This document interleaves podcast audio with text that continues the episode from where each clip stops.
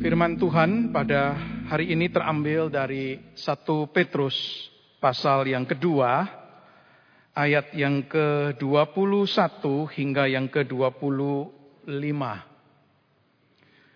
Surat 1 Petrus pasal yang kedua,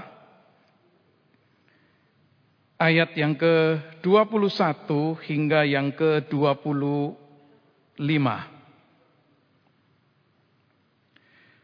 Demikian firman Tuhan 1 Petrus pasal 2 ayat 21 hingga 25.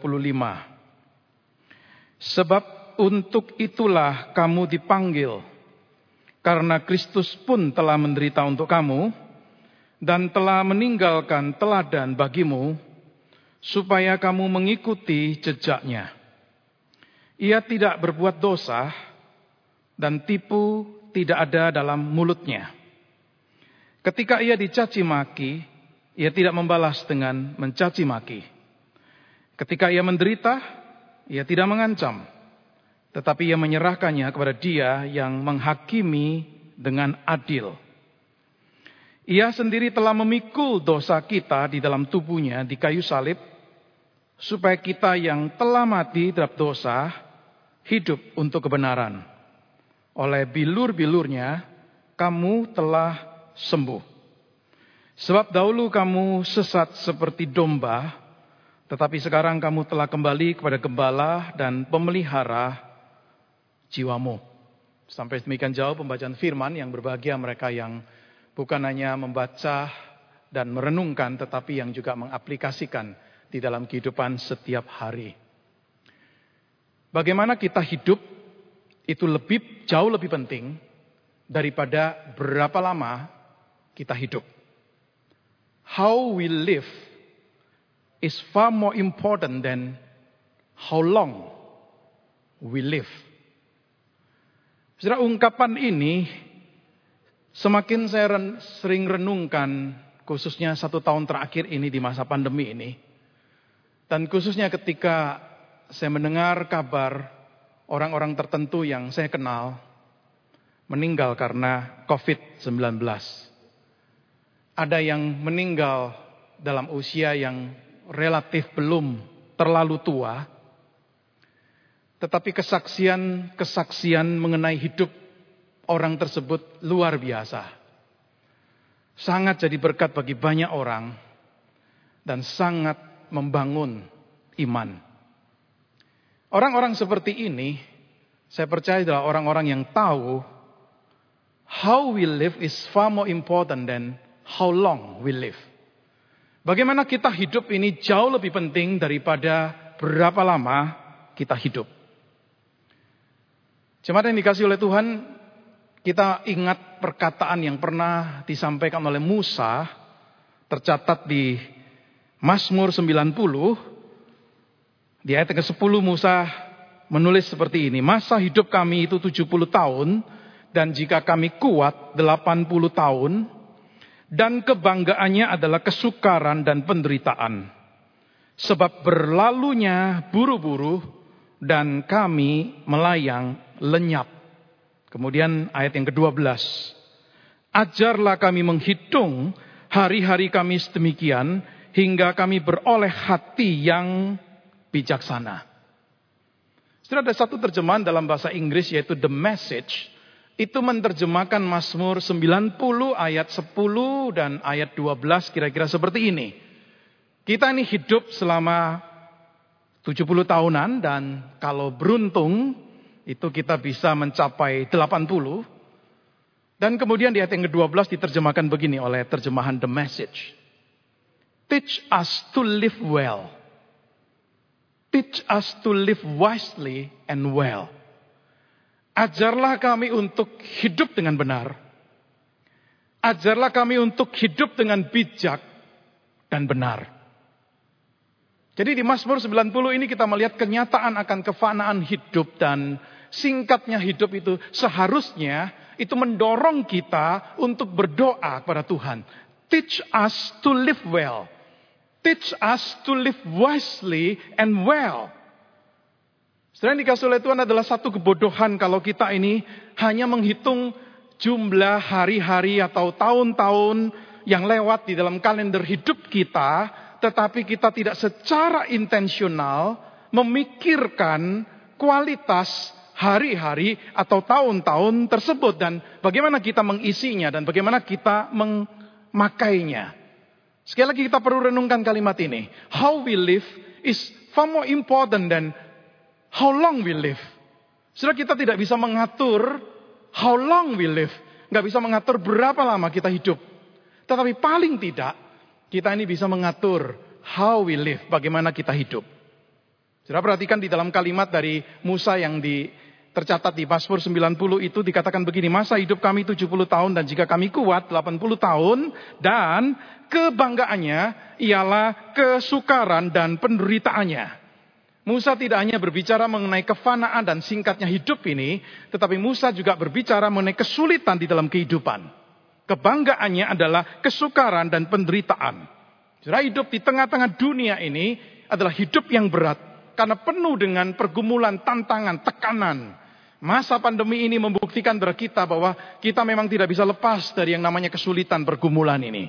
Kita sebagai orang Kristen pun nggak bisa lepas dari masalah, dari pergumulan, dari tekanan hidup. Jadi salah kalau kita beranggapan karena kita orang Kristen kita mengatakan oh datanglah pada Yesus maka semua persoalan Anda akan lenyap. Saudara kita tidak percaya kepada hal itu. How we live itu penting. How we live well, bagaimana kita hidup dengan benar, saudara itu satu tantangan tersendiri. Itu panggilan untuk kita, tetapi kita menyadari itu tidak mudah. Apalagi how we live well, bagaimana kita hidup dengan benar, dengan baik, di tengah-tengah kesukaran dan penderitaan. Saudara, perikop yang kita baca hari ini, itu dituliskan oleh Rasul Petrus dan ditujukan kepada para hamba atau para budak yang tentu sudah menjadi Kristen yang bekerja atau melayani di rumah-rumah. Umumnya para hamba ini adalah orang-orang yang dari golongan bawah punya status sosial yang rendah, juga tidak punya kuasa atau kedudukan, orang-orang yang mungkin dianggap uh, tidak penting pada saat itu dan para hamba ini kalau sudah perhatikan mulai dari ayat yang ke-18 itu mengalami penderitaan yang tidak sepatutnya mereka terima. Misalnya mendapatkan perlakuan yang tidak adil. Termasuk mungkin juga karena mereka itu sudah menjadi orang percaya, orang Kristen, maka mereka mengalami hinaan, ejekan, bahkan mungkin perlakuan yang tidak baik dari tuan-tuan mereka. Nah sudah bagaimana mereka ini, para hamba ini, hidup atau menjalankan hidup mereka di tengah-tengah kondisi yang seperti ini. Di tengah-tengah kondisi yang tidak mudah ini. Nah, kita melihat di sini jelas sekali Petrus itu mengajak untuk melihat pada penderitaan Kristus. Di ayat 21 dikatakan begini, sebab untuk itulah kamu dipanggil.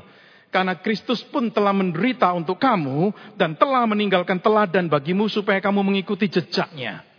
Jadi bagaimana hidup Yesus, khususnya ketika menghadapi kesulitan dan penderitaan, itu menjadi pola, menjadi example, menjadi teladan untuk para pengikutnya dan khususnya para para hamba pada saat itu. Jadi dalam semua bentuk kesulitan dan penderitaan yang dialami, para hamba ini harus melihat pada Kristus sebagai contoh teladan. Kristus sebagai model. Kristus sebagai paradigma untuk hidup mereka. Saya percaya saudara panggilan untuk meneladani Kristus dan mengikuti jejaknya itu bukan hanya panggilan untuk para hamba atau para budak yang menerima uh, surat satu Petrus ini. Tetapi panggilan untuk semua kita orang percaya. Dan saya juga percaya bahwa panggilan mengikuti Kristus, meneladani dia, mengikuti jejak Yesus itu bukan hanya ketika kita menghadapi kesulitan atau penderitaan. Tetapi cakupan meneladani Kristus itu sangat luas. Mencakup semua aspek hidup kita. Ada ayat di 1 Yohanes pasal 2 ayat 6 itu berkata begini, barang siapa mengatakan bahwa ia ada di dalam dia, ia wajib hidup sama seperti Kristus telah hidup. Jadi orang yang mengatakan ia ada di dalam Kristus, wajib hidup sama seperti Kristus telah hidup. Jadi ini panggilan untuk semua kita dan secara khusus dalam perikop ini panggilan untuk para hamba itu di tengah-tengah kondisi yang tidak mudah tetap dipanggil untuk hidup dengan benar. To live well. Yaitu dengan meneladani Kristus. Mengikuti jejaknya. Nah, saudara pertanyaannya begini. Apa yang memampukan mereka ini? Apa yang memampukan juga saudara dan saya ini untuk bisa mengikuti teladannya, untuk bisa mengikuti jejaknya. Apakah cuma sekedar berdasarkan kemauan keras dalam diri kita, atau apakah cuma berdasarkan eh, komitmen kuat di dalam diri kita, atau tekad pribadi kita, untuk kemudian itu bisa terwujud? Jadi bukankah sering kali ada excuse kan dari kita ini, pada waktu diminta untuk meneladani Kristus, kita mengatakan, oh iya dia Kristus, dia anak Allah, dia luar biasa, dia sempurna, sedangkan saya ini orang berdosa yang penuh dengan kelemahan. Bagaimana mungkin bisa untuk meneladani dia? Saudara, bukankah sering kali juga ada excuse seperti itu dari dalam diri kita? Saudara, bagaimana kita ini dimampukan? Bagaimana para hamba ini dimampukan untuk bisa mengikuti teladannya, untuk bisa mengikuti jejaknya?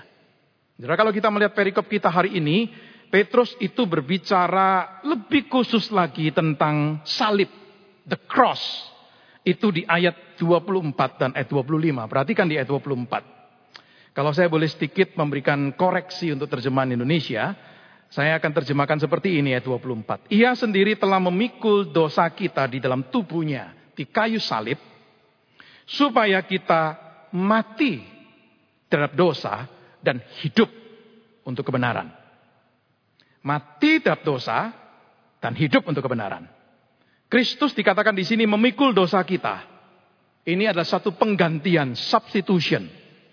Kristus memikul dosa kita artinya, dia mengambil konsekuensi dosa itu untuk dirinya. Dia yang dipersalahkan. Dia yang menanggung hukumannya. Melalui pengorbanannya itu. Dia yang menebusnya. Jadi Yesus mati menggantikan tempatnya kita. Yesus mati untuk menebus, untuk membayar ya akan dosa-dosa kita ini. Jadi kematian Kristus ini menggenapkan penebusan bagi kita. Itu karya Kristus di kayu salib. Tapi sudah perhatikan di dalam ayat 24 ini, tujuan dari kematian Kristus itu bukan sekedar memikul dosa kita dan membebaskan kita dari konsekuensi hukuman dosa.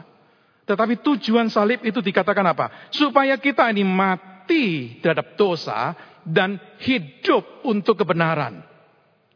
Mati terhadap dosa itu akan memimpin pada hidup untuk kebenaran. Mati terhadap dosa itu artinya dosa itu tidak lagi menjadi tuan, menjadi penguasa yang mengontrol hidup kita. Hidup untuk kebenaran itu artinya kita bukan hanya memiliki tetapi menjalani cara hidup yang baru yang diciri kasih dengan kebenaran yang merefleksikan atau yang sesuai dengan karakter Allah itu. Jadi kita melihat di sini kayu salib itu menunjukkan dengan jelas sekali bahwa keselamatan di dalam Kristus itu bukan sekedar kita dibebaskan dari hukuman dosa, bukan sekedar kita dibebaskan dari kesalahan dosa, tetapi kita ini dibebaskan dari kuasa dosa, dari kehidupan yang dikuasai oleh dosa ini. Sehingga kita dimampukan untuk hidup sesuai dengan apa yang Tuhan mau.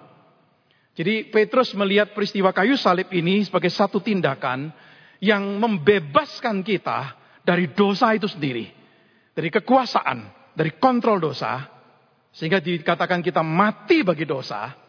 Dan kita bisa hidup untuk kebenaran. Lalu kemudian perhatikan ayat 24 bagian terakhir dan ayat 25. Di ayat 24 dikatakan begini. Oleh bilur-bilurnya kamu telah sembuh. Nah istilah bilur-bilur di sini jelas menunjuk kepada kematian Kristus di kayu salib. Ini adalah kutipan dari Yesaya pasal 53. Petrus di sini tidak sedang berbicara mengenai kesembuhan secara fisik dari berbagai penyakit atau dari kelemahan tubuh. Tetapi dia sedang berbicara tentang kesembuhan rohani. Spiritual healing. Dan kesembuhan rohani ini dijabarkan lebih lanjut di ayat 25. Sebab dahulu kamu sesat seperti domba, tetapi sekarang kamu telah kembali bergembala dan pemelihara jiwamu. Kesembuhan yang dimaksud oleh Petrus di sini adalah kembalinya domba yang sesat ini kepada gembala dan pemelihara jiwa.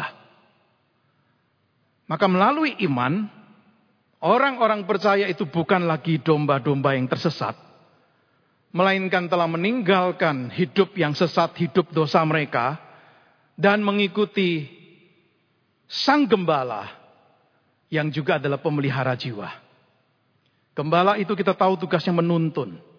Ya tidak akan membiarkan domba-dombanya itu tersesat terlalu jauh atau terlalu lama. Dia akan memakai tongkat atau gada jikalau memang harus di sini bukan hanya digambarkan Yesus sebagai gembala, tetapi juga sebagai pemelihara jiwa, atau lebih tepatnya itu sebagai pengawas, overseers, supervisor, ya, yang mensupervisi.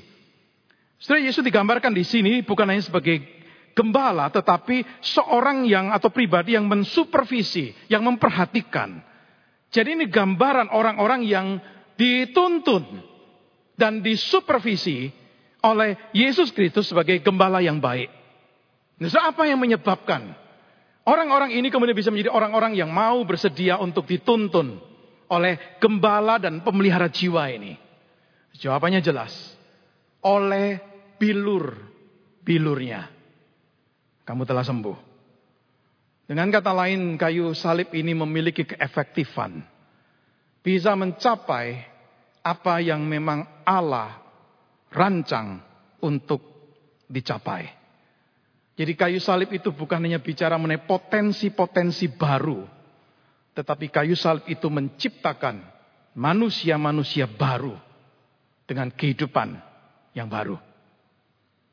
Saudara kenapa saya ingin mengajak saudara merenungkan ayat 24 dan 25 ini. Kalau saudara perhatikan 24 dan ayat 24 25 ini dua kali bicara salib. Pertama, ia sendiri telah memikul dosa kita dalam tubuhnya di kayu salib. Kemudian yang kedua, melalui ungkapan bilur-bilurnya.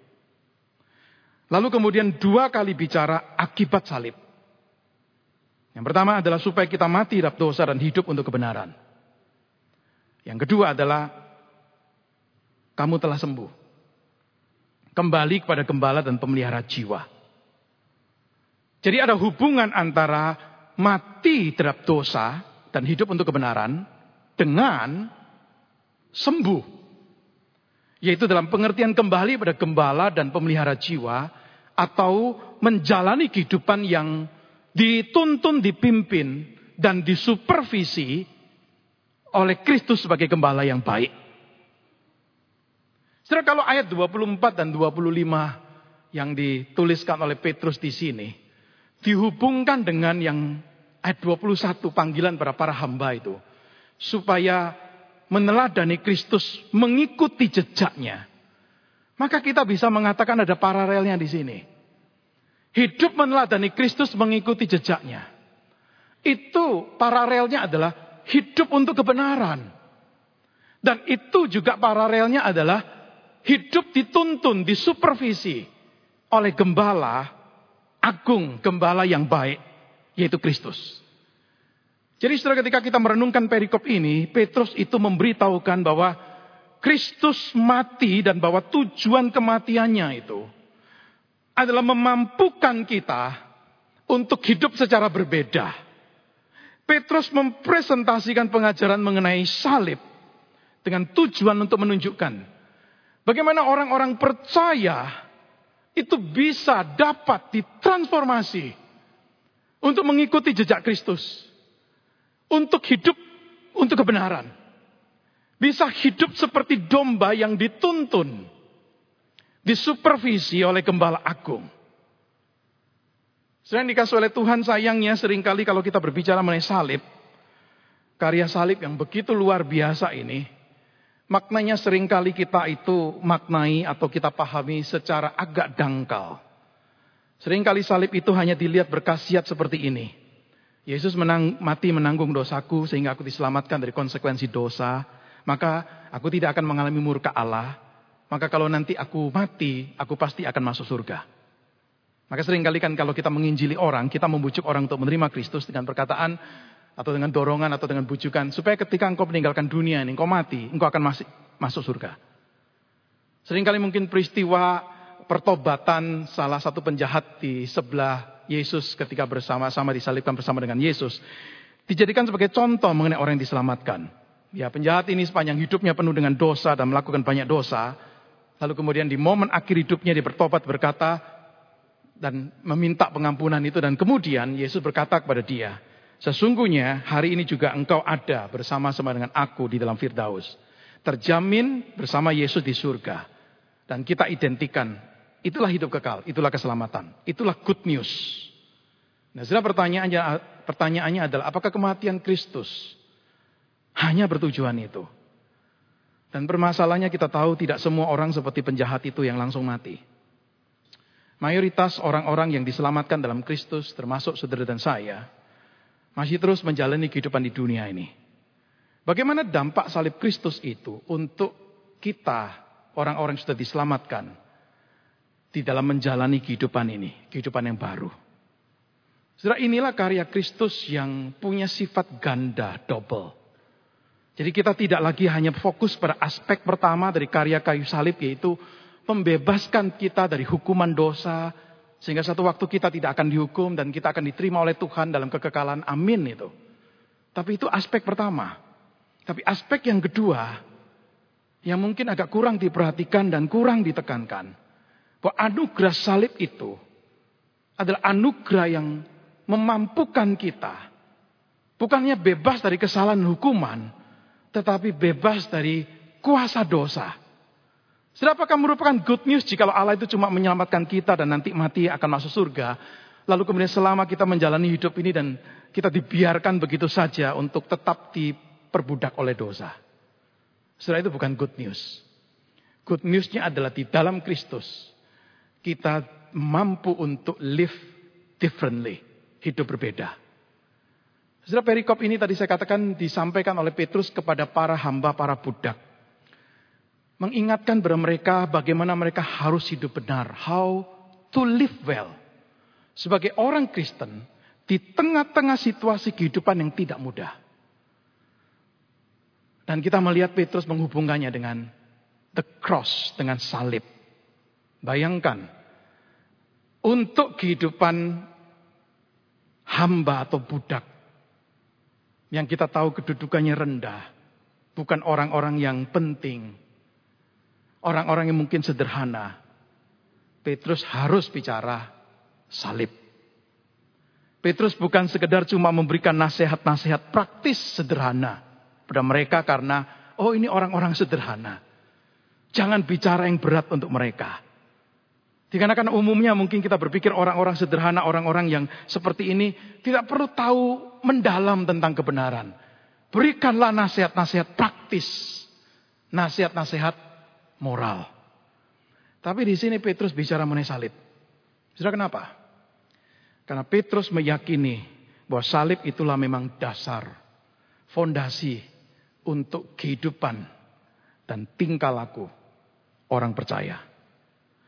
Kebenaran tentang salib ini lagi adalah untuk kehidupan semua orang percaya.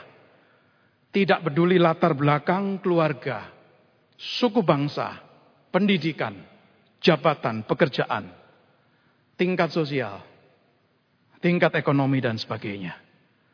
Di sini Petrus berbicara mengenai satu kehidupan yang dibentuk oleh salib, dibentuk oleh Kristus yang disalibkan. Jadi kembali kepada pembukaan tadi. How we live is far more important than how long we live. Dan berdasarkan Mazmur 90 tentu kita ingin juga minta kepada Tuhan, Tuhan ajari aku to live well. Tetapi kita menyadari how to live well itu bukanlah mudah. Apalagi di tengah-tengah situasi kondisi yang sulit.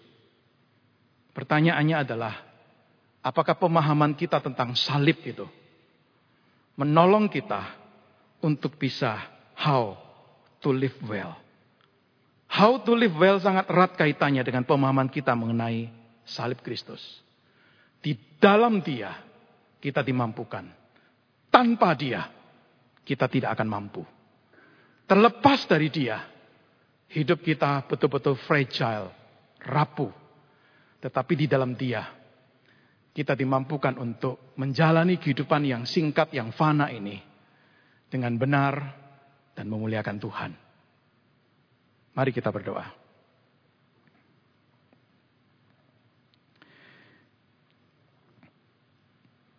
Ya Tuhan ketika kami memasuki masa len, masa-masa yang memimpin kami kepada Jumat Agung dan Paskah.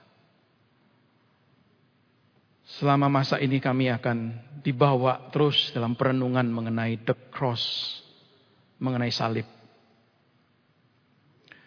Tuhan kami bersyukur karena karya salib Kristus kami menjadi orang-orang yang diselamatkan dibebaskan dari hukuman dosa, diberi hidup yang kekal. Kami bersyukur untuk itu. Tetapi ketika kami merenungkan firman-Mu dengan lebih mendalam ya Tuhan, kami dibawa pada satu kesadaran.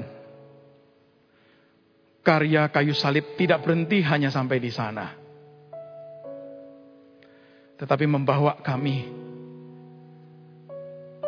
dimampukan membawa kami terus ditransformasi untuk kami bisa hidup berbeda. Untuk kami bisa menjalani hidup ini dengan benar sebagai orang percaya.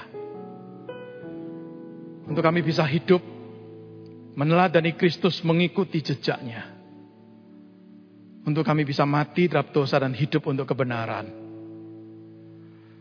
Untuk kami bisa menjalani kehidupan yang selalu terbuka dan bersedia untuk dituntun oleh gembala dan pengawas pemelihara jiwa kami. Terima kasih Tuhan.